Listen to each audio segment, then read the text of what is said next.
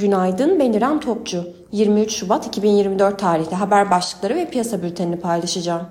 Fed'in 3 yetkilisinden faiz indirimlerinin bu yıl başlamasının muhtemel olduğu ancak bu konuda sabırlı olunması gerektiği mesajı geldi. ABD ekonomisinde büyümenin devam etmesini bekleyen Fidelity fon yöneticisi F. Statopoulos, portföyündeki ABD tahvillerinin neredeyse tamamını sattı. Çin'de hükümet desteklerinin artmasının ardından konut fiyatlarındaki düşüş hız kesti. ABD ve Çin gelişmekte olan ekonomilerde temerrütleri önlemek için ortak bir çalışma yürütüyor.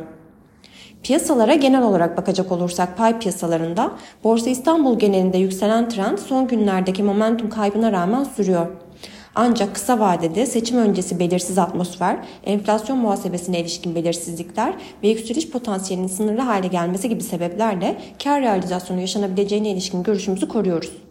Global tarafta dün Nvidia bilançosu sonrası risk iştahı güçlü seyretti. Bu sabah ABD vadelileri, Alman DAX vadelisi ve Asya endeksleri yükselişini sürdürüyor.